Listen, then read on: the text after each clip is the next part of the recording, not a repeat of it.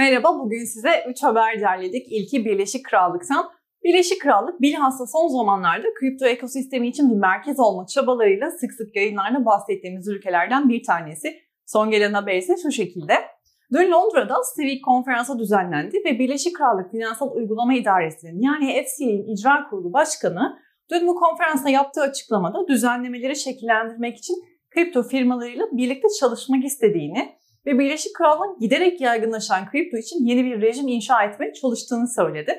Kendisi ayrıca kripto nişten ana akıma doğru ilerlerken kurallarımızı ve düzenlemelerimizi piyasalara, tüketicilere ve firmalara fayda sağlayacak şekilde şekillendirmek için birlikte çalışalım.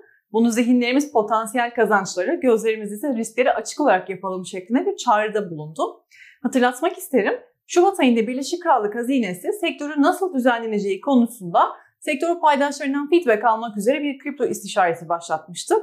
Bu istişare ve konsültasyon süreci 30 Nisan'da sona erecek. Buradan çıkan sonuçları da takip edeceğiz.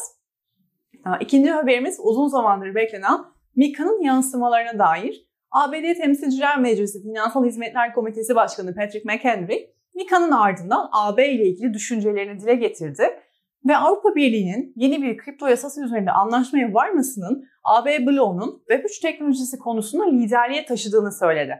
McHenry, AB'nin daha önce internet teknolojisindeki tökezlemelerine rağmen Avrupa'nın şimdi Web3 ile AB'lerin önünde olduğunu herkese gösterdiğini söyledi.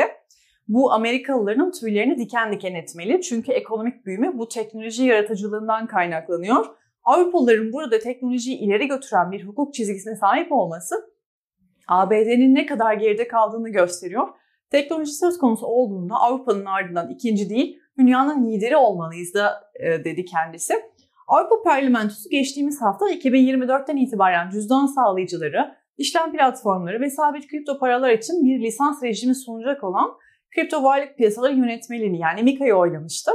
ABD'deki eşdeğer yasa tasarıları ise siyasi ilgiyi çekmeyi aslında pek başaramamıştı. AB yetkilileri diğer önde gelen yargı mercilerini tutarlı bir küresel koruma sağlamak için MiCA tarafından atılan adımı takip etmeye çağırdı. Avrupa Parlamentosu üyeleri yasanın güveni yeniden tesis edeceğini söyledi.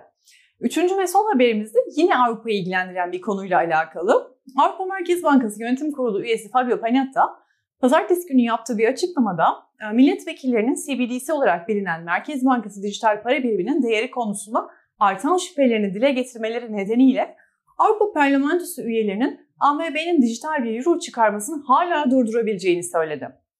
AMB yani Avrupa Merkez Bankası daha önce, e, daha önce dijital euro ile yola devam edip etmeyeceğini bu yıl içinde karar vereceğini söylemişti. Ancak yönetim kurulu üyesi yani Panetta parlamentonun ekonomik ve parasal işler komitesine yaptığı açıklamalarda siyasi muhalefetin hala belirleyici bir engel olabileceğini kabul etmişe benziyor. Sözlerinden bunu anlayabiliyoruz.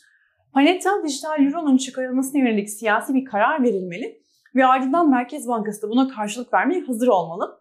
Eğer yola devam etmeme çağrısı siyasi düzeyde yapılırsa Avrupa Merkez Bankası'nın özellikle de bağımsız olarak ilerlemeye karar verme şansını göremiyorum şeklinde bir yorumda da bulundu. CBDC'ler konusundaki gelişmeleri takip etmeye devam edeceğiz. Bugünlük bu kadardı. Çok teşekkürler. Haribo.